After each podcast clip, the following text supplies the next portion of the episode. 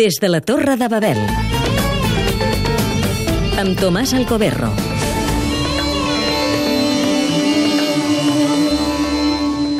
Qui mana a l'Iran, a la República Islàmica de l'Iran, no és el president, que han escollit ara els lectors, sinó el guia. Ali Khamenei, que va succeir el 1989 l'imam Khomeini, fundador d'aquest estat de principis teocràtics. La Constitució de l'Iran, promulgada després de la revolució del 1979, de la qual vaig ser testimoni, vaig veure arribar del seu exili a París l'Ayatollah Khomeini, és un text híbrid. D'una banda, estipula que la, la sobirania ve de la voluntat del poble, expressada a les urnes mitjançant les eleccions presidencials, legislatives, municipals.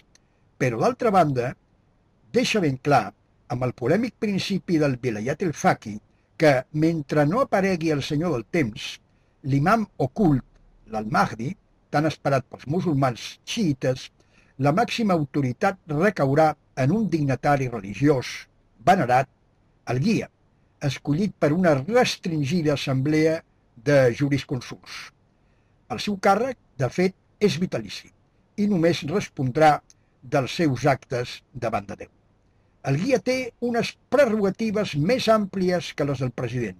És cap de les Forces Armades, nomena els dirigents de la magistratura, avala el president, que pot destituir d'acord amb el Parlament, declara la guerra, pot fer la pau, orienta la diplomàcia del seu país. És, de fet, el cap de l'Estat, encara que els ambaixadors presentin les seves cartes credencials al president de la República. El guia ha frustrat totes les temptatives reformistes dels presidents anteriors, com Rafsanjani, amb la seva primavera de Teheran, i Hatami, que tantes il·lusions va despertar sobretot entre les dones i els joves iranians. Molts dels greus problemes d'aquesta gran nació, potència regional de l'Orient Mitjà, són deguts a aquesta hegemonia implacable. És molt difícil poder canviar la Constitució de l'Iran sense governants reformistes. Les dictadures religioses són sempre les més fortes. No oblidem la de l'Aràbia Saudita d'una altra tendència ideològica. Des de la Torre de Babel.